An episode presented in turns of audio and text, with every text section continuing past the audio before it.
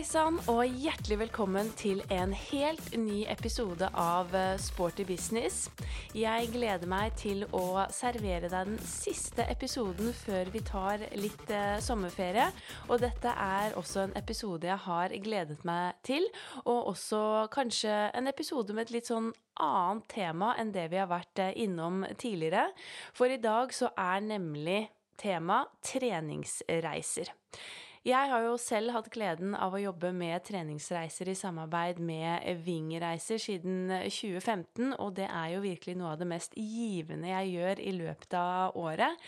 Og jeg vet jo også at det er mange av dere som eh, jobber selvstendig, eller som også driver treningssentre, som allerede har begynt å arrangere egne treningsreiser, eller som kanskje har en idé og et ønske om å kunne tilby dette til eh, kundene deres, medlemmene, og derfor tenkte jeg at uh, det er på tide å snakke litt om treningsreiser. Hvorfor er det så magisk, uh, og hvorfor har det blitt så populært?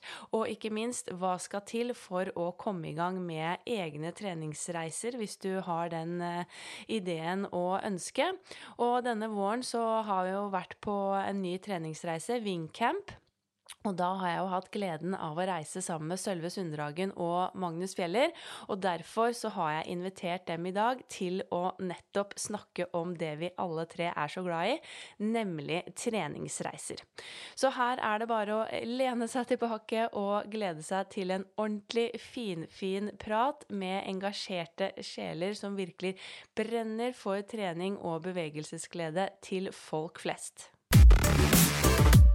Hjertelig velkommen til eh, Sporty Business podkast, eh, Sølve og Magnus. Takk. Tusen takk. Nå sitter dere jo pent og prydelig på hver deres stol, veldig klare for eh, pod. Og Magnus, tusen takk for at Sølve og jeg har fått lov til å komme til Family Sportsklubb i Tønsberg til dekket bord. Lytterne våre ser jo ikke det, da, men du har jo disket opp med både Cola Zero og melon og jordbær, og ikke minst Sølve. Skolebolle. Favoritten vår til å begynne med. Så tusen hjertelig takk. Bare hyggelig. Jeg håper det smaker. Og ja, det var... stoppa jeg. det, var, det, var, veldig godt. Jeg satte pris på det. Det er alltid godt med en liten sånn sugar rush før innspilling. Ja. Så jeg er veldig fornøyd med det. Jeg tenker det var en sunn start. Ja, det er god stemning til å begynne med. Vi har jo akkurat uh, vært på tur sammen treningsreise med vingereiser, og da fant vi ut at uh, dette må vi jo podde om. Og dele litt om treningsreiser. Og jeg tror de fleste kjenner til dere begge, egentlig, i treningsbransjen.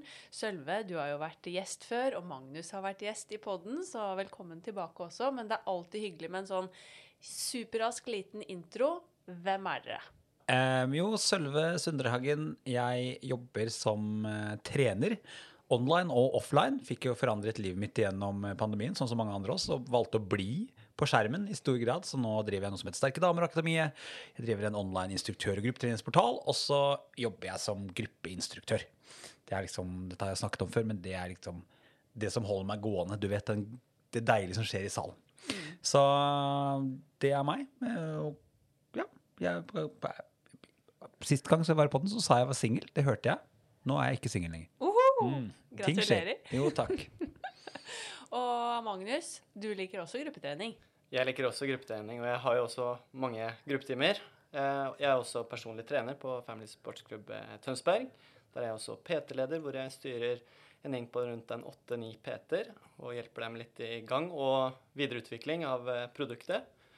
Jeg har også eh, nylig blitt pappa. Det er ikke så nylig, egentlig. Det er jo egentlig ett og et halvt år siden.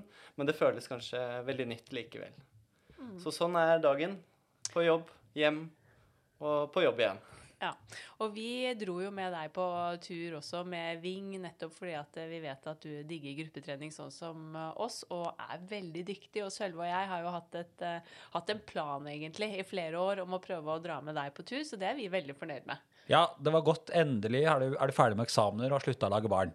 Så nå kan vi på en måte få deg med på tur, og det satte vi veldig pris på, Magnus. Ja, det gjorde jeg også. Takk skal du ha. vi koste oss uh, veldig, i hvert fall. Men hva er det dere syns er aller best med treningsreiser, da? Jeg tenker kanskje at det aller beste er å få lov til å ta med folk liksom, ut av hverdagen til et sånt eh, lukket et sted hvor de kan slappe av i solen og bare kose seg. Og så er det ekstra god samvittighet fordi at de trener hele tiden. Så man ser det at når folk liksom legger seg på solsenga, så er det bare sånn total relax. De tenker aldri på at 'åh, jeg burde gjort noe', eller 'jeg burde gjøre sånn'. Og i tillegg så er det liksom totalt avslappa rundt mat og drikke og sånn fordi at de gjør så mye aktivitet, og sånn funker folk. ikke sant? Trening genererer også god samvittighet ofte. Så um, det er den der, det beste med treningsreiser er å se hvordan folk slapper av. Fordi at de får dekket alle behovene for nytelse. Mm. Jeg syns også det å kunne bare skape den boblen du kan leve i i den uken, det er egentlig det som er ganske unikt, i tillegg til at du selvfølgelig får lov til å dele eh, treningsglede og bevegelsesglede sammen med dem. Men du som er eh, rookien på newbien på treningstur, eh, Magnus, hva syns du eh, er det mest givende? Jeg syns hele opplegget Det høres jo litt klisjé ut, men eh, hele opplegget er jo kjempebra. Fra du møter opp på Gardermoen til du møter på hotellet, blir kjent med de andre deltakerne som er med der. Heter det deltakere? Mm. Yes. Eh, og egentlig bare henge seg på eh, første treningsøkt, eh, få en god eh, trim, eh, og så ta seg en god middag etterpå og legge seg, og så er det egentlig bare å stå opp og gjøre seg klar for en ny fest. Mm, helt enig. Men hva vil dere si er det mest givende i jobben som instruktør eller PT eller trener, da? Oi, det går vel sikkert litt igjen, men jeg tenker det å hjelpe andre, eh, både med det fysiske og psykiske eh, Det å se andre få mestring, det er utrolig mestringsfølelse for eh, meg som PT og instruktør også. Mm. Så se andres mestring. Altså, hvis jeg skal liksom knytte det opp mot treningsreiser, så er kanskje den jobben som trener på treningsreiser, det jeg setter mest pris på med den jobben, det er den der muligheten jeg har til å få folk til å teste noe de aldri har testa før, og like det. Fordi folk kommer veldig sånn ehm, de kommer veldig på, nei, på treningsreiser med veldig lave skuldre og er litt sånn Ja, ja, jeg tester det her. Og så har de masse tid til å teste ting. Så det å få eh, en eller annen crossfitter til å teste den dansetimen og innse at ah, jeg elsker å danse også, og så går de hjem, kommer hjem på treningssenteret og så tester de noe nytt. Så den muligheten til å få folk til å liksom utvide perspektivet sitt og synet sitt på trening, det er kanskje det jeg setter mest pris på treningsreiser. Og alle samtalene til middagen. Ja. Alt det imellom. Litt sånn som du var inne på, hele opplegget, selvfølgelig. For det er jo noe som foregår mellom alle disse treningstimene og frokosten og middagen også. Og det er jo der eh, relasjonsbyggingen foregår, og man blir enda litt mer kjent med hver enkelt deltaker, da, og det er jo veldig hyggelig. Men jeg har forberedt eh, fem kjappe også, sånn at lytterne kan bli litt bedre kjent med dere på, som instruktører på treningsreiser. Så jeg tenker vi bare durer på, og så er det egentlig bare førstemann til mølla å svare, og så får neste henge seg på. Så første er strand eller fjell? Strand. Strand. Helt enig. Solferie eller byferie? Mm, solferie. Det var fem kjappe, Magnus. Oi. Solferie. Ja, Øl eller Cola Zero? Det er en hårfin balanse med Cola Zero. Cola Zero. Ja, enig, selv om det gikk mye Fanta Lemon også på tur. Eh, dans eller kettlebell? Kettlebell. Thea. Nei. Kettlebell. Kettlebell. Dans eller kettlebell? Ja. Nei, nå ble jeg helt satt ut av min egen idioti her. Eh, Jeg Dans, Ja, jeg begynte å lure. Herregud. Trekk det, Hvis noen har reagert på det, få det vekk. Dans 100% Ja. All inclusive eller klar det selv? Klarer det sjøl. All inclusive. Altså. Jeg, du er også på all inclusive. Jeg er på all inclusive, Ja. definitivt. Det er i hvert fall helt sikkert. Men du var jo ganske glad i den buffeen du òg, Magnus. Ja, det vipper over mot all inclusive. Ja. Eh, det, har vært det har alltid vært eh, klar deg sjøl, men eh, mer og mer all inclusive. Jeg kan, jeg kan bli med på den Ja. i dag. I hvert fall på treningsreiser så er jo disse buffeene ganske magiske, vil jeg si. Jeg vil si at det var ingen som nøyt all inclusive-en så godt som du gjorde. Er det egentlig litt fritiden fra pappalivet og forpliktelser som føltes litt ekstra godt der, Magnus? Jeg kan eh, si meg enig i det. Ja, det var det. Men jeg vil jo si at den uken vi hadde nå på Mallorca med vingreiser, var eh, sykt bra. Det var en stor gjeng med deltakere vi hadde med oss, og strålende vær og topp stemning fra start til slutt, egentlig. Eh, Men hvordan var opplevelsen for deg, Magnus, som var med første gang? Nei, jeg følte jo at det her var en eh, full pakketur. Fra du, som sagt, fra du møter opp, så møter du crewet. Du blir kjent med en gang. Du kommer kanskje alene, men eh, du er en stor gjeng. Eh, og det var det man kjenner i hvert fall mot de siste dagene, er at eh, du kom kanskje alene, men når du drar derfra, så er det nesten sånn Jeg vil ikke forlate dere. Så samholdet i, i gruppa, da, tenker Ja. jeg. Ja, det er jeg enig i. Noen ganger så har jeg tenkt når jeg har sett på sånn reality på TV og sånn, hvor folk er sammen i en sånn boble over lang tid, så er de så lei seg når folk drar hjem og de gråter, og det er liksom så trist. Og så har jeg tenkt sånn ha-ha. Men det er jo nesten sånn at vi får lyst til å få litt tårer i øynene når vi skilles etter en uke på treningsreise. Og det kjennes veldig godt etter en uke. Da kjennes Og jeg vil så gjerne tilbake til den Å ja, all inclusive. Eller møte de andre deltakerne som vi møtte. Ja, det er litt antiklimaks å komme hjem med noen ganger. Men hvordan vil du oppsummere uken, Selve? Du er jo en veteran når det kommer til instruktør på treningsreiser. Åh, ja, altså oppsummere, hva tenker du på da? Den uken vi var på nå.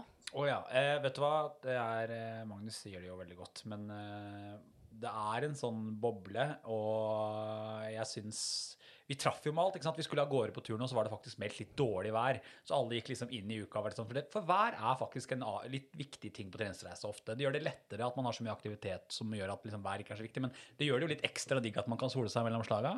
Så det at vi liksom, det været slo helt feil, vi hadde vel sol stort sett hver dag, og lå og kosa oss, og sånn gjorde liksom at han fikk en sånn ekstra piff. Um, og så var det en veldig fin gruppe med hvor halvparten cirka var gjenreisende. Altså vi har jo folk på den turen som har reist på den turen ti ganger. Ja. Og så har vi folk som var første gang, så de fungerte veldig godt sammen. Eh, om, og det er noe unikt med disse campene, fordi eh, jeg syns folk som velger å dra på treningsreise, er i utgangspunktet ganske sånn rause, inkluderende, fine folk. De liker andre mennesker. Eh, og da er det liksom ikke noe problem å komme alene. Så jeg syns det var veldig gøy å se hvordan vi skapte Vi var ganske mange på tur, var vi 50 og noe, eller noe sånt? 50 stykker. Hvordan de fungerte så bra sammen. Det er, eh, så samholdet er, som vi sitter igjen med etterpå, er det ekstra fint. Og så var det, var det hyggelig at vi tre reiste på tur òg, for å være dønn ærlig. Å være kvalitetsgjeng. Absolutt. Men du er jo inne på det, dette med å reise alene. Da. Men hva slags eh, mennesker vil dere si reiser på type treningsreiser? Er det alle typer mennesker, og er det mange som reiser alene? Ja, jeg tenker at det er folk som ønsker eh, en treningsboost. Eh, enten om du er aleine, eller om det er et par som trenger litt inspirasjon, f.eks. Kanskje få en ekstra dytt. Det er jo Du får jo både sol og, og god mat og ja, strand, basseng. Det er bare å nyte. Så eh, få litt ekstra, tenker jeg. Du kommer hjem med en ekstra boost. Ja, jeg er enig. Det eh, og så er det alle typer mennesker. Det er de som er i toppform og vil trene og kose seg fordi de elsker aktivitet. Og så har vi også med folk som skal i gang og bare er sånn OK, nå gjør jeg det her. Jeg må bare teste kroppen litt, se hva jeg får til. Og det er det jeg syns er så fint på treningsreise, at det er plass til alle. Og så har du de som er supersosiale og reiser fem stykker som en gjeng. Og så har du de to som bare er der sammen for å pleie venninneskapet eller vennskapet. Så ja, det er alle typer mennesker. Så jeg tror det er viktig å liksom ikke tenke at du må begrense det til at du må være en treningsperson eller sånn, sånn for å være med på det her, fordi på camp så møter du alt.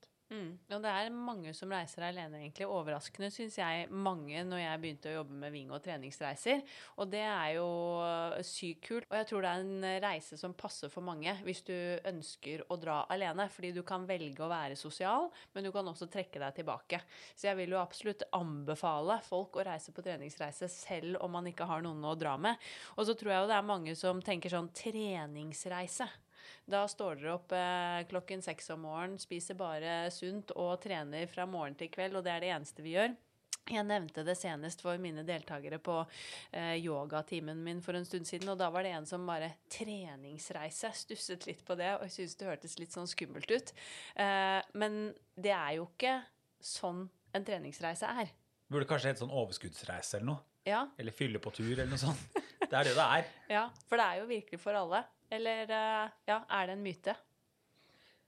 Nei, altså det er for alle, men eh, det er jo litt typisk oss som jobber i treningsbransjen å si eh, at alt er for alle. Er, du må jo på en måte Du må jo like å bevege deg, men du trenger ikke å være Det er jo mange som tenker at for å si at jeg liker å bevege meg, så også være godt trent. Og sånn er det jo ikke. Du må bare like å røre på deg. Um, og så um, med de turene vi gjør, som inneholder ganske altså Nå har vi vært på den camp, Wingcamp som vi har vært på, som er en tur som er som et, eh, det er som et treningssenter. Du har alle typer timer. Eh, så da får man jo også liksom testet alt mulig rart. Eh, så ja. Men hva til Ja. Jeg er jo enig selvfølgelig i hva dere sier. Eh, og som vi snakket om, både erfarne og uerfarne. Eh, vi har mange gode varierte timer, og du kan teste mye nytt. Du kan også hoppe på timer du kjenner til fra før. Kanskje du har de på treningssenteret hjemme og tenker at OK, det, det kan jeg i hvert fall, så det har jeg lyst til å bli med på. Eh, samtidig så har vi jo oss som trenerteam da klare å tilpasse øktene til både de som er erfarne og de som mm. aldri har vært med på timen før. Mm. Eh, det tenker jeg at eh, det, det har vi, tror jeg vi fikk til ganske bra. Eh, hvis ikke så vil vi sikkert få tilbakemelding på det. Eh, ja. Så er det et vanvittig aldersspenn. Det mm. tror jeg ikke alle tenker. Det er veldig sånn hva slags folk er det som reiser på tur, og det er liksom det er eh, fra liksom akkurat da gammel nok til å kunne reise på tur, til eh, jeg er ferdig å jobbe og godt opp i pensjonist, på en måte. Eh, og det fine er jo det at alle disse gjør det samme i en uke, sånn at alder det blir liksom visket ut litt, så blir man bare som en stor vennegjeng. Og det skjer noe veldig kult når unge og eldre og midt i livet møter hverandre og henger sammen. Mm. Det blir mange fine samtaler, og mye, ja, det blir mye kul dynamikk da i løpet av en sånn uke. Mm. Jeg likte ordet overskuddsreise egentlig kanskje et bedre ord. ja. Jeg tror det er noen som blir liksom redda av ordet treningsreiser. For det er jo så veldig mye mer enn at vi står opp og trener fra morgen til kveld. Men hvorfor tror dere treningsreiser har begynt å bli så utrolig populært, da? Jeg tror Sølve sa litt om det om eh, at man eh, får et avbrekk fra hverdagen. Det er en, en slags egotur for seg sjøl, da. At eh, OK, nå har det vært mye på jobb, eh, jeg drar litt off-season. Nå skal jeg bare fokusere på meg sjøl, få et overskudd. Igjen overskuddsreise kommer fram. Eh, det tror jeg er populært. Og så er det en fin, eh, en fin pakke. Du får liksom eh, rigga opplegg hele veien som gjør at du bare drar, og så er det bare å følge med og bli med på det du har lyst til. Mm. Og det tror jeg er eh, noe folk bør og unner seg. Mm, det er veldig deilig. Det kan uh, anbefales. Ja, Absolutt. Eh, Magnus oppsummerer det bra. Men det, er flere og flere som bare trenger å komme unna. Eh, og, det er mange som også bare trenger én uke for seg selv. Eh, hvor du kan fokusere på deg og ditt og kose deg og gjøre ting som du vet er bra for kroppen din, sammen med trenere som er eh, Og det er vi jo ekstremt dyktige, og mange av kollegaene våre er ekstremt dyktige. Det er sånn, Når du arrangerer treningsreise, så vil, eh, så vil du også på en måte kanskje ha en bakgrunn og en erfaring som trener som gjør at du også kan ta vare på mange. Veldig, veldig mange, i hvert fall. Og da tenker jeg at da får du maks ut av det. Så det er den der pausen i hverdagen som jeg tror mange eh, setter pris på. Og vi har jo altså vi har folk som reiser sånn tre turer i året, liksom. Mm, jeg skulle til å ja. si at eh, når de kommer tilbake på det tiende året på rad, slash også reiser på andre turer, så sier det jo noe om at du blir litt hekta når du først har prøvd treningsreise første gang. Det, jeg husker du har sagt det, Sølve, under introduksjonen på Wingcamp. Det er litt sånn beklager til dere som har kommet uh, nå, fordi nå vet dere at nå kommer dere alltid til å måtte booke inn en Wingcamp eller en treningsreise fremover i tid. Siste, helgen i mai, siste uken i mai kommer til å være opptatt i neste år. Ja, det er akkurat det. Fikk jo høre litt av tilbakemeldingene på de som var med i år, da. Eh, at eh, dette blir jo den nye sommerferien. Ja. Det er jo sånn det bør være. Her er det en blanding med god mat, eh, fysisk aktivitet og, og masse avslapping i tillegg. Både inn i byen og ved stranda. Mm. Vi har jo sagt litt om det, men uh, Sølve, du som har gjort mye reiser for Ving, kan ikke du si litt om hvordan sånne reiser typisk er lagt opp? Økter, det sosiale? Altså, For det første så man, samles man gjerne på flyplassen, de som er fra Gardermoen på dag én på morgenen ikke sant? og møtes der, får en liten hils, reiser, kommer seg på flyet. Eh, jeg er superfornøyd med å reise med Ving, for de har et veldig eh, hva skal man si, sømløst og fint opplegg fra første sekund, sånn at du kan liksom nyte fra du setter deg på flyet.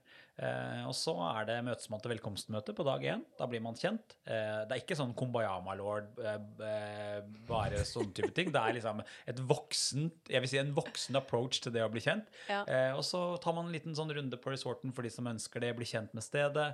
Eh, en vanlig treningsdag består gjerne av stort sett tre til seks gruppetimer, hvor det er to-tre på morgenen eh, og to-tre på kvelden eller ettermiddagen, som inneholder da yoga, det er dans, det er crossfit, det er core, det er løpetimer, det er eh, liksom alt det som du kan finne på hva skal man si, en mektig timeplan på et kanskje litt større treningssenter. da. Ehm, og så har man eh, imellom så er det jo viktig å huske at man trener jo ikke seks timer sammenhengende. Man trener litt på morgenen, og så ligger du rett ut og koser deg på solsolen. Eller går turer eller sjekker ut områdene. For det er også sånn at eh, jeg er jo stor fan av å ligge rett ut, men mange av deltakerne elsker jo å være aktive. Også bare gå turer og bli kjent og besøke byer og sånn. Så, og så trener man på kvelden igjen. Og så er det jo en Så det er sånn dagene er spredd. Og noen er med på alt. Noen er med på litt, og noen er med på alt én dag og ingenting en annen dag. For her er det jo ikke noe treningspress. Man gjør jo det man vil. Ja, absolutt. Og det tenker jeg er eh, ganske viktig, for jeg fikk spørsmål av moren min om eh, må jeg være med på alle disse timene her. Det var jo fem eh, økter eller noe sånt. Jeg la ut et innlegg om eh, denne turen her, en oppsummering. Og da sa jeg nei, det er jo bare å bli med på akkurat det du, det du har lyst til. Har du lyst til å være med på fire-fem timer, så skal du få lov til det. Eh, da er det kanskje greit å faktisk slappe av og spise godt eh, imellom eh, slaga. Men eh, vær med på det du har lyst til, og kanskje en dag så er du med på litt mer, og en annen dag så kan du være med på én, f.eks. En på formiddagen, og så står du fri på ettermiddagen, da. Det tror jeg det var mange som, eh, som gjorde. Men det var også mange som var med på ganske mye. Ja, absolutt. Og jeg, er, vi pleier jo også å si det at det går an å være med, teste litt. Hvis du finner, finner ut at åh, dette var ikke noe for meg, eller nå er jeg litt for sliten, så går det an å sette seg ned og se på. Være til stede. Det er virkelig alt er lov på de turene. Men hvor mange treningstimer stort sett eh, pleier vi å ha utendørs? Kan dere ikke si noe om det? For folk tenker jo at når du reiser på treningsreise i utlandet, så vil man jo gjerne kanskje være utendørs. Hvordan pleier vi å legge det opp? Altså flest mulig timer utendørs. Eh, og så er det noen ganger, hvis det er veldig varmt eller mye lite skyer, som eh, folk elsker, så kan det noen ganger faktisk være sånn at folk er sånn er litt deilig å komme inn, inn og få skygget litt ned. Men det er jo også sånn at vi legger jo timene til tidspunktet på dagen hvor det er også optimalt å trene. Vi begynner på morgenen og holder på til sånn tidlig formiddag, og så er det pause til, litt, altså til ettermiddag, sen ettermiddag, og så drar vi på på kvelden igjen. Men de aller fleste øktene prøver vi å ha ute, fordi folk elsker å være ute. Er det noen Var du på vei til å skyte inn noe, Magnus? Jeg tenker jo at vi var også litt eh, fleksible i forhold til om vi var ute eller inne. Eh, hvis det er en dag hvor det var eh, litt overskya f.eks., så kunne man jo i fare for at det skulle bli regn, så hadde vi jo et eh, treningsrom tilgjengelig. Og det benytta jeg meg av en gang. Eh, men også var det jo motsatt, da hvor det var så fint vær ute, hvor det sto en time inne, hvor den faktisk ble flyttet ut. Ja. Så eh, mest mulig ute. Det tror jeg folk Det er jo noe magisk med å kunne trene under åpen himmel, som ikke alltid blir så mye av her hjemme. Ja, så har vi jo musikkanlegg og sånn, ikke sant? Så den dansetimen, det blir jo godt trykk i musikken og lyd. Det blir jo som å ha gruppesalen utendørs. Så, og det er jo ekstra fint. Ja, Men hva tenker dere på For jeg tenker jo nå når sommeren er her, så er det jo også veldig relevant å flytte treninger eller gruppetimer utendørs her hjemme i Norge. Eh, nå når vi podder f.eks., så er det jo fantastisk sommervær eh, utendørs, og det er jo utrolig fint å utnytte seg av det. Men hva bør man tenke på som instruktør eller trener hvis man flytter treningen utendørs, både her hjemme eller da mm, i utlandet? Ja, jeg tenker at eh, du bør i hvert fall eh, legge opp til at det faktisk er ute. At du har omgivelser rundt som passer til den treningsøkten du skal ha. Både underlag og, og spesielt området du, du er på. Eh, ja, og utstyr selvfølgelig. Det enkle er ofte det beste hvis du skal ut, tenker jeg. Eh, Ikke dra med så mye utstyr. Ta, gjør det enkelt. Det tror jeg gjør det enkelt for folk også å bli med. Det, lavere terskel. Eh, ja, det er vel mine beste tips, og det er vel noe vi også gjør også på treningsreise. Ja. Ja, altså jeg, nå kommer partypooperen. Jeg er helt imot det der å drive og dra timer ut hjemme, for å være dønn ærlig. Hvis det er et planlagt event langt fram i tid, så folk kan ta den avgjørelsen selv, som kanskje går utenfor den timeplanen, så jeg syns det er en god idé. Men eh, jeg vet hvor avhengig folk er, er av struktur og den faste timen sin og den tryggheten som skjer inni en gruppesal spesielt. Så jeg er ikke så glad i å se sånn der I morgen flytter vi timen ut! Ha-ha-ha, det blir gøy! Nei, det er jeg enig i. Jeg tenker sånn sette opp uteyoga, Ja. sette opp utetrening på sommeren eh, som alternativ. være-. Vi vet jo det at eh, forutsigbarhet er liksom nøkkelen for folk til suksess. Så denne her, jeg ser en liten sånn tendens i treningsbransjen nå at vi kaster ting ut, og det skal Hvis det er et event, kult, gjør det, men ikke sånn der spontangreiing. Jeg tror mange syns det er ganske digg å komme inn på treningssenteret. Mm. Men er det noen andre ting dere tenker på hvis man setter opp utendørstreninger med tanke på liksom, sikkerhet, førstehjelp, hva man bør ha i bakhånd? Jeg tenker jo at vi har jo et førstehjelpsskrin på et treningssenter. Eh, jeg ville nok tatt det, tatt det ut i tilfelle det blir overtrakk, for det er jo ikke samme HMS-rutine ute hvor du bare kanskje hopper ut. Mm. Eh, så førstehjelpsskrin er nok sikkert lurt. Eh, musikk er alltid gøy. Ja. ja. Det er i hvert fall en ting jeg har lært av treningsreiser, at uh, hvis man gjør noe utendørs, at man faktisk tenker gjennom disse tingene. For det, ofte, det tar vi ofte for gitt når vi har timer inne på sentrene, at uh, der er uh, førstehjelpsutstyr, der er hjertestarteren, vi vet hva vi skal gjøre hvis det skjer noe gærent. Og så plutselig har du tatt med 30 mennesker ut, og så har du ikke tilgang på noen ting. Og når vi er på Wingcamp i Palma, så har vi jo til og med med oss i gåstegnet bodyguard på stranden. Der har vi jo med badevakt og førstehjelp. til hver eneste time. Ja, der står sikkerhet i, på første rad, altså. Men det er jo også veldig bra, fordi man det hender jo at man opplever ting, altså sånn de vanlige skadene, men også er det mange som eh, ut, kan oppleve utfordringer med å trene i varmen. Eh, og nå er jo det Så da er det fint å ha sikkerheten der, mm. sånn just in case. Men noen ganger føler jeg kanskje det er litt sånn opptatt av sikkerhet noen ganger når vi er ute disse Vi har jo da med oss, sånn at dere som hører på, forstår dette er egne vakter som kommer fra hotellet for å passe på oss, så vi skal ha en god opplevelse. Ja, ja. Så det er vel også et servicetiltak, da. Absolutt. Men det er jo bare sånne småting, tenker jeg, som at hvis du har en sirkeltrening ute, og noen plutselig liksom kutter seg i fingeren, det å kunne faktisk dra frem et plaster, det viser jo litt profesjonalitet, og at du har tenkt gjennom eh, hele opplegget, på en måte. Så det er jo bare sånne småting som kan gjøre hele opplevelsen kanskje også enda mer eh, proffere og bedre for de som er med, f.eks.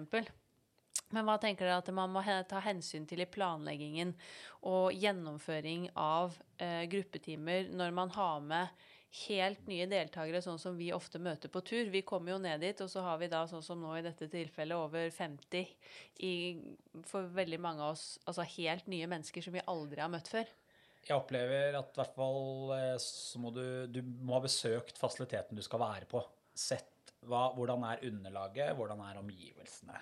Eh, for oss som er på treningsreise, så må vi ta hensyn til vær. Eh, jeg eksempel, Hvis jeg ser at ok, nå er det steikende sol vi skal trene ute, så eh, drar jeg ned intensiteten litt eksempel, og gjør om litt. sånn at folk, fordi På en treningsreise er ikke målet nødvendigvis at folk skal bli sliten og utmatta på den måten. skjønner du? Man vil ha en sånn godfølelse, så jeg tilpasser litt på de tingene der. Um, og så sørger jeg for at jeg vet hvor jeg har alt som vi snakket om førstehjelpsting hvis det skulle skje noe. Uh, men vanligvis så ville jeg undervist på akkurat den samme måten. Eh, det er jo litt lett når man forsvinner ut av de hva skal man si, faste lokalene sine, at man blir litt sånn ufokusert som trener også. Og man kan fort tenke at eh, når jeg er ute, så skal det være mer show. Eh, men jeg vil jo komme en oppfordring til alle trenere som flytter ting ut, om det er på treningsreiser, at kjør den vanlige timen din. Lever sånn som du ville ha gjort det. Vær like nøye med å følge opp de eh, kundene dine, som, for det kommer nye og det kommer gamle. Eh, vær like nøye med intro og outro av timen din. Gjør disse vanlige tingene, fordi det eneste som egentlig har forandra seg, det er omgivelsene.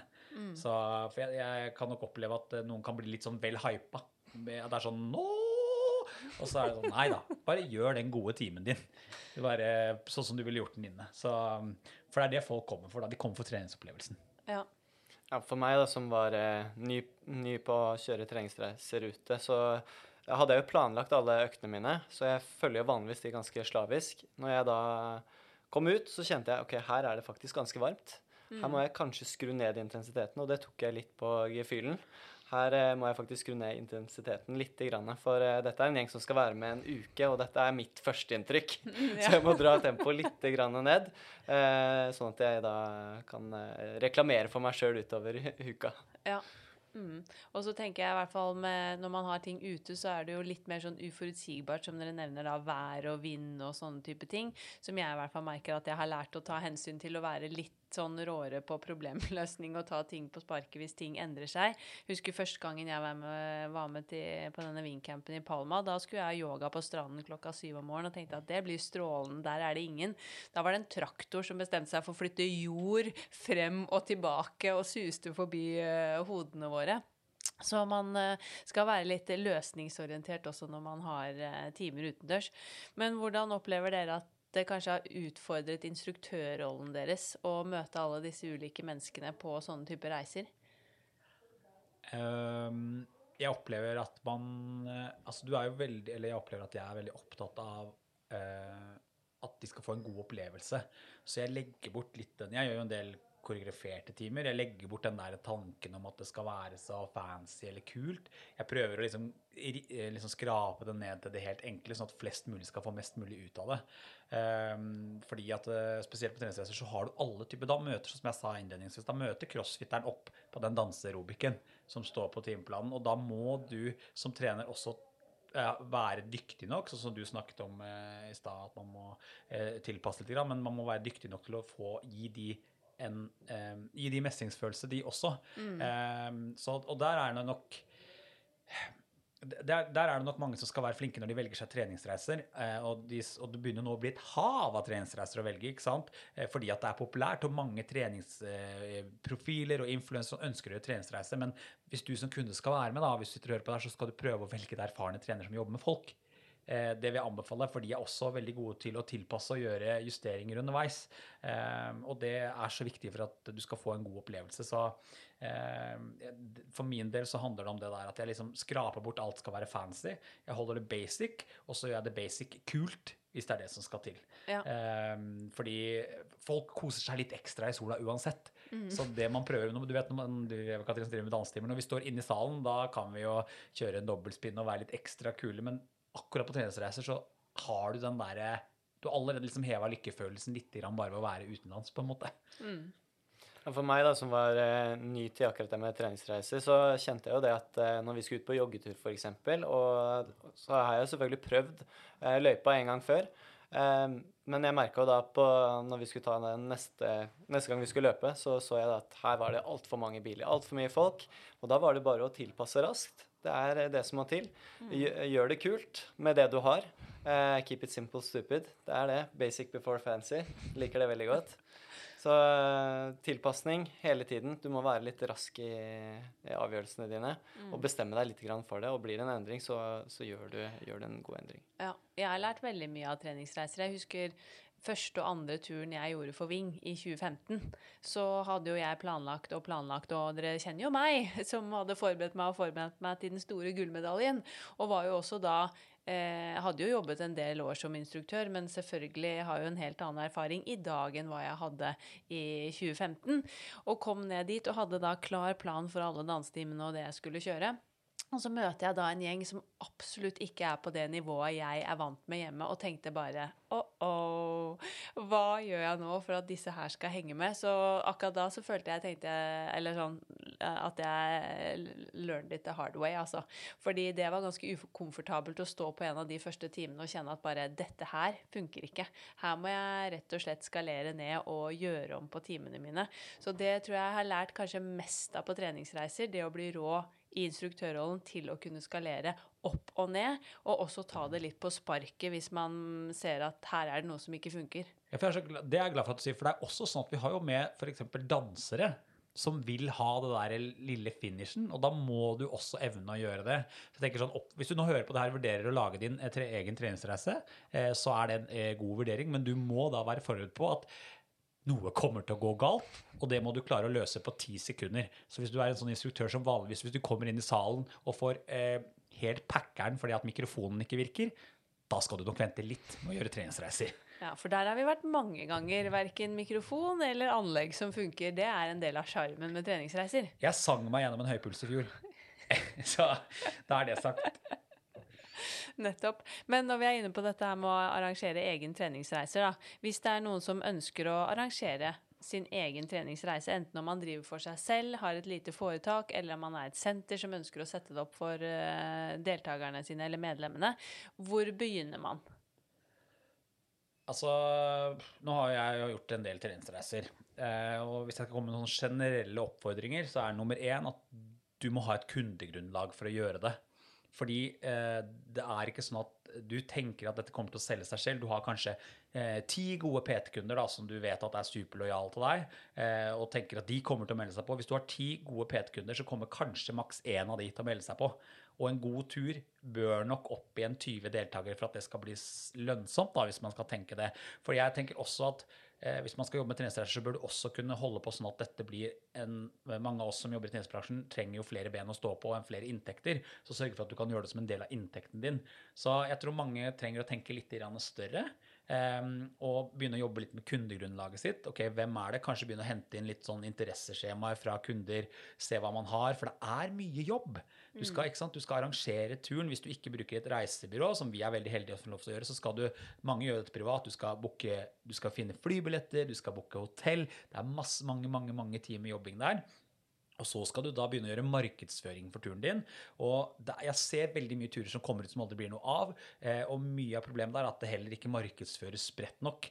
Men så vil jeg også si at du trenger ikke å være sånn som jeg er heldig, jeg har et eh, kundegrunnlag på 20 000 følgere på Instagrammen min som jeg kan nå ut til, og i tillegg så har jeg bygget kundegrunnlaget mitt over da, jeg vet ikke, 10-12 år eller noe sånt. Eh, men det er også mange som arrangerer turer som ikke har har den plattformen å stå på, men som er bare helt rå, rå på eh, å treffe akkurat sin gruppe. Så jeg vil bare si en sånn oppfordring at du må, være helt, du må begynne å jobbe med kundegruppen din, så må du følge de opp. For det er en prosess, altså. Det er mye markedsføring mm. før det begynner å gå av seg sjøl. Hvor jeg tenker kanskje eh, Altså, vi er litt heldige nå. Nå har vi holdt på i ti år. Og først de to siste årene da, etter pandemien så kjenner jeg at å ja, nå ruller det litt. Nå kommer de påmeldingene av seg selv. Mm. Så, ehm, så, begynne der. Finn finne ut om du vil bruke reisebyrå, eller om du vil gjøre det sjøl. Min anbefaling er ikke gjør det sjøl. Ja. Én ting er å booke flybilletter og hotell og gjøre de tingene der, men det å følge opp alle som melder seg på tur, og det er avmeldinger og påmeldinger, og det er sykdom, og det er forsikringer, og det er mye admin og mye å følge opp. Og vi jobber jo da i Vingreiser, og en shout-out da til Kristin i Ving. Heia, Kristin. Ja. Go, Kristin. som vi er veldig takknemlige for, for hun tar jo hele den jobben for oss. Og det er mange mail og mye å følge opp, og eh, deltakere som trenger hjelp med det ene eller det andre. Og alt det må man også beregne inn hvis man tenker at dette er noe jeg ønsker å gjøre selv. Ja, så er det sånn, Du som trener er ikke et reisebyrå. Du er jo treneren. Sånn at, eh, og jeg husker eh, Da jeg var gjest i den podkasten forrige gang, så snakket vi litt om det her å outsource ting. Mm. Sett bort, jeg tror vi, Da snakket vi om økonomi. ikke sant, og bare Skaff deg en regnskapsfører. Det lønner seg, det koster penger, men da bruker de tiden sin, og så kan du tjene penger på det. Og det samme her er det sånn. La de som er gode på reise, gjøre reise. Om du da ikke bruker et reisebyrå, kanskje du har noen som du vet er helt rå på organisering, som kan holde i det der. Fordi det å kunne dra på treningsreise og få lov til å bare være trener, som vi er så heldige å få lov til å være, det gir en trygghet også som trener og arrangør, da. Mm. Dere har jo treningsreiser her, eh, Magnus, vet jeg. I egen regi, har dere ikke det? Jo, det har vi. Ja, det har vi. Og de har skjønt er ganske populære. Kjenner du til hvordan eh, opplegget er der, eller hvordan dere har gjort det? Og nå skal jeg ikke si meg helt sikker, men der jeg tror jeg det er litt mer todelt. Du får på en måte trenings... Eh, du betaler for treningsreisen, men så må du da finne fly eh, selv, da. Mm. Det er eh, Ja, nå kjenner jeg at jeg er veldig heldig da, som er med, med i Ving, og slipper å tenke på, på, alt dette her. Og jeg har jo ikke den samme erfaringen som dere har, men jeg tenker om du har lyst til å dra på treningsreise eller skape en treningsreise, så bør du jo kanskje alliere deg med noen som også eh, har litt, litt, større variasjon da, på mm. hva du selv og andre kan tilby. Sånn som det teamet vi er, må jeg jo selv skryte av, syns jeg. Jeg syns vi har en kjempegod variasjon, et bredt utvalg av mange forskjellige timer, og det gjør det jo kanskje, kanskje mer attraktivt å bli med på en sånn reise, da, hvis du skal prøve å lokke med deg noen. Jeg føler liksom at treningsreiser har blitt litt sånn som eh, treningsbransjen. Altså enten så må du være fullskala og levere alle produktene, eller så må du drive butikk skjønner du hva jeg mener, og spesialisere deg på f.eks. en crossfit-reise. Mm. Det vi ser, og det ser jeg nå på de treningsreisene som gjerne markedsføres, men forsvinner før det blir gjennomført, det er sånne mellomting. Her er det litt av alt. Jeg tror det mm. må være et veldig klart tilbud. Enten så må du gi kundene dine fullt utbytte, altså som et, eh, eh, som, eh, som et fullskala treningssenter, eller så må du nisje deg helt ned på det. Og det er jo sånn som det generelt er på de aller fleste tingene som skjer nå. Um, og jeg skal ikke si at jeg, det ligger ikke noe forskning bak akkurat det jeg sier nå, men sånn hva jeg legger merke til, så er det disse som faller igjennom, er de som prøver å være litt av begge. Ja. Så enten go big eller go super small. Ja. Mm. Hvilke tanker gjør du deg, Magnus? Uh, i forhold til å sette i gang med treningsreiser. Har det vært en suksess her på Family i Tønsberg? Ja, jeg vil nå si det. De treningsreisene som går herifra, er jo kanskje litt mer for sykkelinteresserte. Ja. Eh, Var det ikke veldig mange med? Jo, jeg lurer på om de var rundt 90 stykker. Ja, det er jo, jo fantastisk, da. ja, det tror jeg er veldig, veldig gøy. Eh, og det har vel prøvd å delt litt opp i både sykkel og litt eh, dans og, og styrke sammen. Så dekker du et litt eh, større bord, egentlig. Mm. For det kan jo gjøre mye med på en måte relasjonen mellom medlemmer på et senter, tenker jeg. Også kanskje bygge mer lojale medlemmer på et senter. Så har man kapasitet og mulighet til å gjøre noe sånn, så kan det jo kanskje være ganske kult for et senter. Altså, Jeg elsker sentre som klarer å få det opp. Det er veldig kult å se sentre som klarer å få opp sine egne treningsreiser, for der kan du snakke om medlemsvarende tiltak. Jeg tenker at Hvis det, man arrangerer en god treningsreise som treningssenter og får suksess med det, så kommer de til å være ambassadører for det senteret for alltid. Og da er det også kanskje verdt den ekstrajobben du må stå i som daglig leder eller sportsleder eller sånn for å få dette gjennomført. Fordi det er eh, også jeg bare, ja, det, det er også, Da viser du at du gjør noe ekstra for medlemmene. Du er villig til å liksom legge ned en innsats. Så jeg, synes, jeg elsker det. Jeg synes det er så kult. Og det er mange treningssentre i Norge som gjør turer som går så det suser, tror jeg. Mm. Ja, det er det. Jeg tror det er litt sånn en greie. Du kjører opp en poster. Vi har jo poster på senteret her. Og da står det jo masse eh, både all inclusive, det er mat, det er treningsturer. Det ser jo bare veldig innbydende ut. Eh, og da er det litt sånn høre i gangene Ja, skal du være med på den turen? Du skulle ikke vi tatt den eh, bare vi, du og jeg, f.eks. Mm. Så jeg tror det lokker, og jeg tror det, blir en, jeg tror det blir en greie på senteret å bli med på en sånn tur. Ja, absolutt. Men hva skal til for å gjøre suksess da med en treningsreise? Og her tror jeg man fører ordet videre. Ehm, altså eh, Jeg liker fokuset. Det er lett å snakke om hva Det er lett nå å liksom fokusere på hva man ikke burde gjøre. Men det man burde gjøre, er for det første så må du ha erfarne trenere. Du må ha erfarne trenere som jobber med mennesker hver dag. Og de må ikke bare jobbe med de via skjerm, de må jobbe med de altså rent fysisk. Det ser jeg som en gjenganger, er at du må ha eh, trenere som er vant til å jobbe med mennesker, fordi eh, det skjer noe annet når du møter mennesker face to face kontra gjennom en skjerm. Sånn at eh, jeg skal ikke snakke ned influenserne som arrangerer reiser, eh, men jeg vil snakke frem de andre. Så får du tolke det sånn som du vil. Eh, fordi eh, du som deltaker eh, Du skal faktisk bli ivaretatt i en hel uke. Og da må du være god til å gjøre andre ting enn å bare kunne skrive fine tekster og ta gode bilder. Eh, det Det er, er en annen setting enn den Selv om jeg henger mye og skravler med deltakerne mine både før og etter timene mine sånn til vanlig, så er det en annen setting på treningsreiser. Ofte har de mye spørsmål, og du må være tilgjengelig før og etter, og som vi har nevnt, du møter dem ved bassengkanten. bli kompiser. Ja, det å sitte og snakke ved middagen, tørre å sette deg ved et nytt bord, at uh, ikke bare vi trenerne sitter sammen, altså alle de små tingene. Og så er det jo litt sånn sørg for at hotellet dere reiser til, har fasilitetene i orden. Og da må du også sjekke opp lydfasiliteter, for det er det mange som bommer på. Det holder ikke for 50 deltakere å ha en liten sånn eh, boomblaster som du kan ta under armen. Det blir litt for lite hvis du skal kjøre en dansetime. Sjekk opp sånne ting.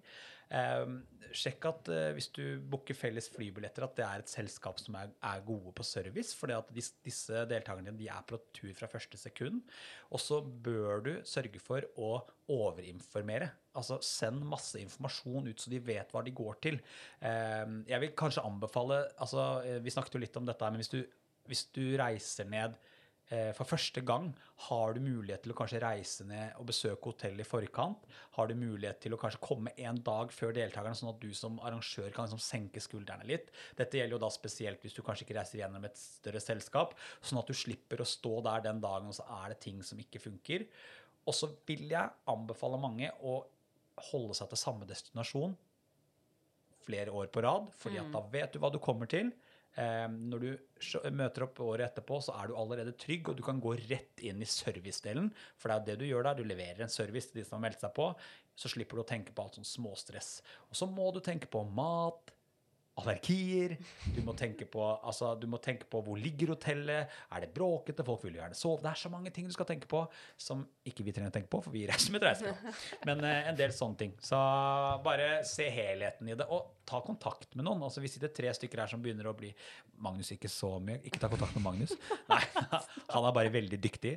Men eh, det går an å spørre. Send en melding og si sånn Hei, Sølve eller EK eller en av de andre som du vet mye treningsreiser. Vi vurderer dette her. Hva tenker du? Jeg skal, det koster meg ingenting å svare hyggelig på det.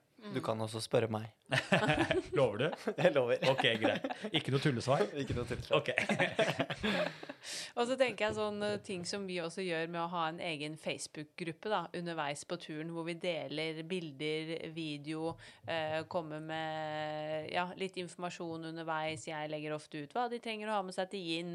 Eh, Magnus, du la ut hva er lurt å ta med til liksom, strandøkten i dag, osv. Det er også en sånn egentlig en veldig liten og også enkel ting, men som betyr mye. Så du satte jo en ny standard du på campen i år. Første han kom og gjorde, var å legge ut sånn oversikt. Vi møtes, ta med det og det i gruppa, liksom. Da tenkte jeg bare sånn Det der er jo dritbra. Nå overinformerer vi. Det er ikke sikkert at alle syns det er interessant, men de fem til ti som trengte den informasjonen, setter så pris på det og føler seg tryggere. Så bare, ja. Da måtte jo vi to henge oss på. Så da tok jo du We, we leveled up i this year. Ja, jeg vil si det, altså. Og Mm. så syns de det er så hyggelig å få bilder og video i gruppa av at de er litt sånn in action, for du stopper jo ikke opp og på en måte tar bilder av deg selv i gruppetimen, og så syns man jo ofte det er litt stas og hyggelig å ha med seg de eh, bildene hjem, eller videosnuttene. Ja, jeg tenker bare det å gi det lille ekstra, i hvert fall på treningsreise. Jeg fikk jo spørsmål kan du sende oss det treningsprogrammet. Kan du eh, bare si Kan du gi meg noen tips til noen skader? Selvfølgelig skal jeg gjøre det. Akkurat på denne turen her så får du det lille ekstra. Men hva er det morsomste slash mest crazy du har opplevd på en tur? Ja. Åh, himmel og hav. Eh, på reisene jeg arrangerer, så er det alltid én fridag. Ja. hvor vi, har, vi trener litt på formiddagen, så har vi fri på kvelden. Og det er mange gode historier fra de. Det er beach parties Oi, det er stemmeskifte. Det er beach parties, det er hopping i poolen, det er eh, noen ganger wet T-shirt contest, det er spontane, gode opplevelser. Um, så, men jeg vil nok si at kanskje beach partyene vi har på Kypros når jeg er der, hvor veldig, kanskje over halvparten av gjengen bare samles på kvelden. Vi sitter ute på Nisse Beach i en ring. Noen drikker drinker, noen drikker brus. Eh, vi soler oss, koser oss, spiller musikk. Det er utrolig hyggelig. For da får man Dette skjer jo gjerne sånn midtveis i uka. Folk har blitt varme i trøya, og da får man se liksom, Det er toppen av avslapping. Så det syns jeg er eh, veldig hyggelig. Så tror jeg kanskje at eh, Eh, de andre historiene de får vi heller ta hvis de møter opp, tenker jeg. Men eh, Magnus, var det noe som overrasket deg på tur når du var med første gang nå? Var det noe vi gjorde eller noe du opplevde som kanskje du ikke hadde forventet på eh, en treningsreise? Oi, det er et godt spørsmål. Eh, nei, det er mer, enn, og, mer og bedre enn hva jeg forventa. Eh, det er så enkelt og greit. Eh, så jo for meg kanskje at ok, vi trener litt, slapper litt av, men du trener og du slapper skikkelig av. Det syns jeg var veldig deilig. Det var mye avslapping og mye god mat, ikke minst. Og når du trener så mye, så må du faktisk spise så mye. Og det å bare ha all inclusive og kjøre på med en god frokost, god lunsj, god middag, for du må få i deg for å fylle opp energilagrene hvis du ønsker å trene. Ja. Så den totale pakken med både trening, avslapping og kosthold Du lever jo litt som en eh, light toppidrettsutøver, og det, det likte jeg veldig, veldig godt. Ja. Jeg sa det ti ganger, tror jeg, til alle sammen, og alle var helt enige. Det er liksom toppidrett uten presset. Ja. Det er drømmen. Og så er det sykt digg å bare komme til buffé og bare gå og hente mat når du er sulten, og slippe å velge fra en meny og sitte og vente på maten. Det tror jeg er det jeg syns er best med buffeen faktisk på treningsreiser. Jeg er helt enig. Du sparer tid og Ja, og så er det det sånn, du vet, når man trener mye, så blir man også sulten ofte, og du vil bare ha påfyll. Det er sånne ting. Altså, en liten add-on der. Pass på at det hotellet du velger, har buffé. For Ja. sånn tallerkenservering, det fungerer ikke så heldig når folk er skrubbsultne og slitne. Helt klart. Vi skal begynne å runde av, men eh, har dere noe annet med tanke på treningsreiser som dere brenner inne med eller har lyst til å dele med eh, lytterne? Hopp i det. Begynn med treningsreiser.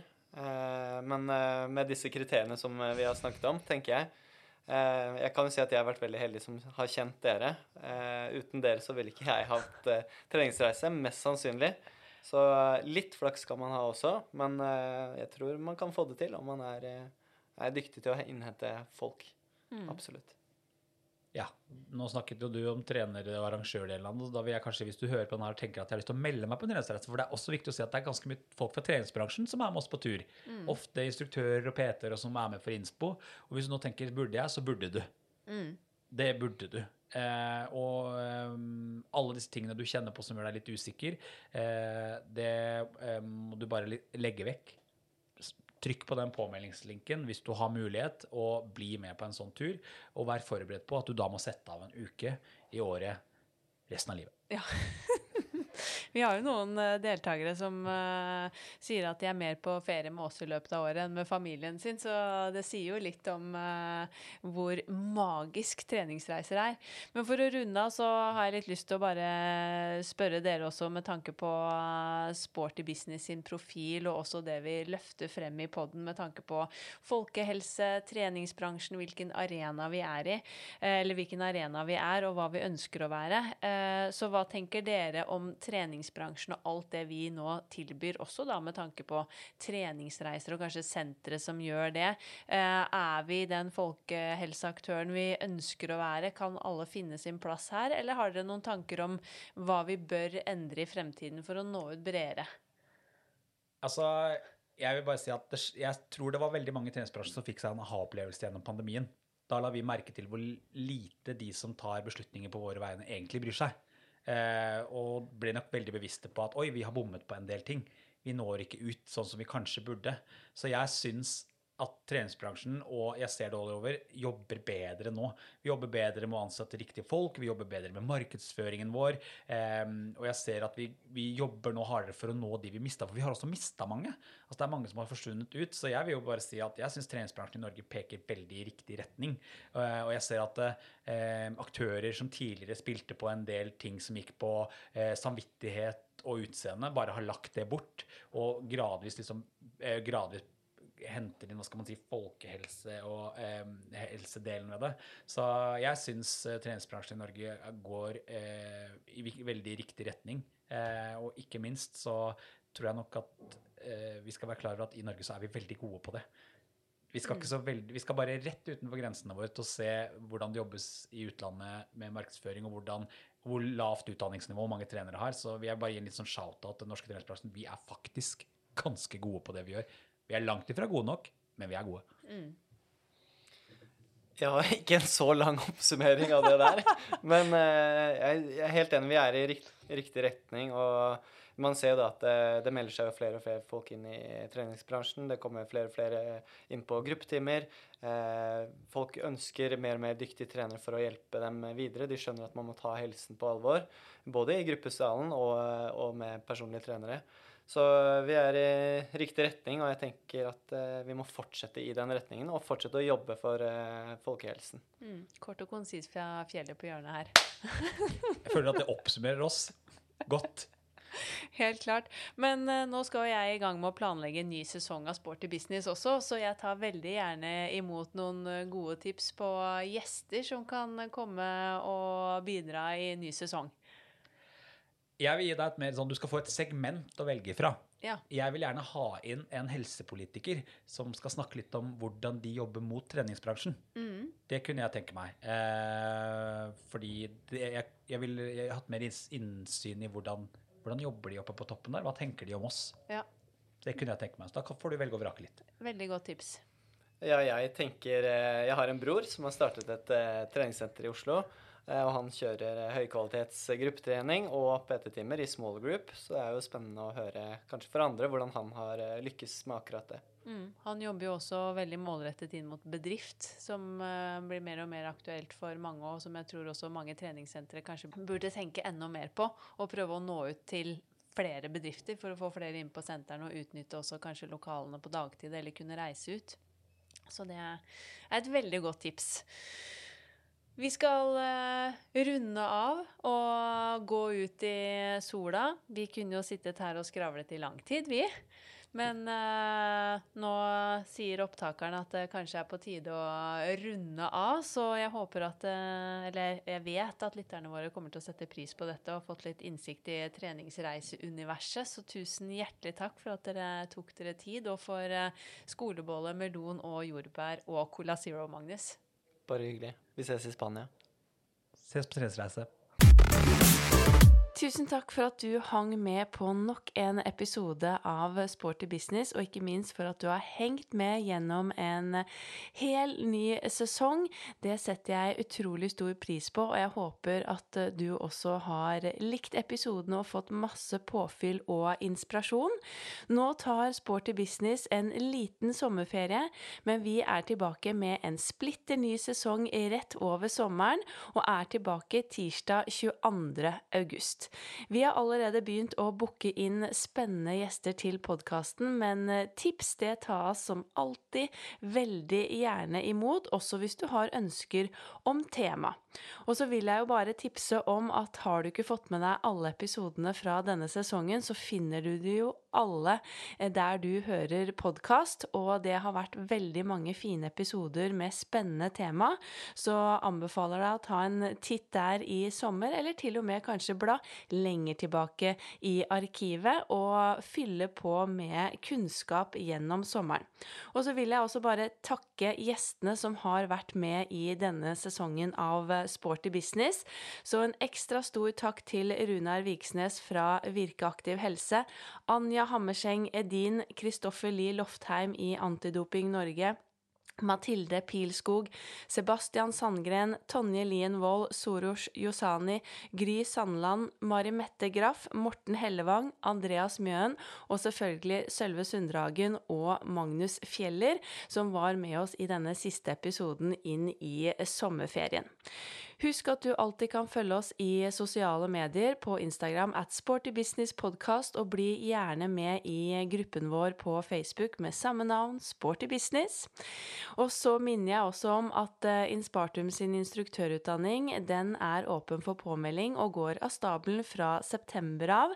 Du finner all informasjon på inspartum.no, og vi har også flere påbyggingskurs gjennom eh, høsten, både online-kurs for deg som ønsker å bli enda råere til å trene og legge til rette for gruppetrening for eldre, eller det vi kanskje ofte kaller seniorer, eh, på sentrene. Det går av stabelen 9.9. Så har vi et eh, nytt påbyggingskurs i trening under og etter graviditet den 30.9.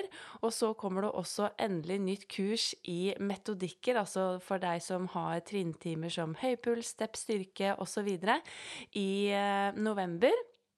Og så 18. november, da blir det en ny Inspartum Boost, heldags convention på Atletica Domus, og da håper jeg virkelig at du allerede nå har lyst å holde av den datoen, for da blir det masse gøy gruppetrening, trening, foredrag, i det hele tatt en hel dag for verdens beste bransje. Jeg ønsker deg en strålende sommer og håper at vi eh, høres igjen i eh, august. Nyt hver eneste dag, og jeg krysser fingrene for en eh, helt kanon sommer. Tusen takk for nå. Vi poddes igjen i august. Denne podkasten produseres av Inspartum Akademi og Adler.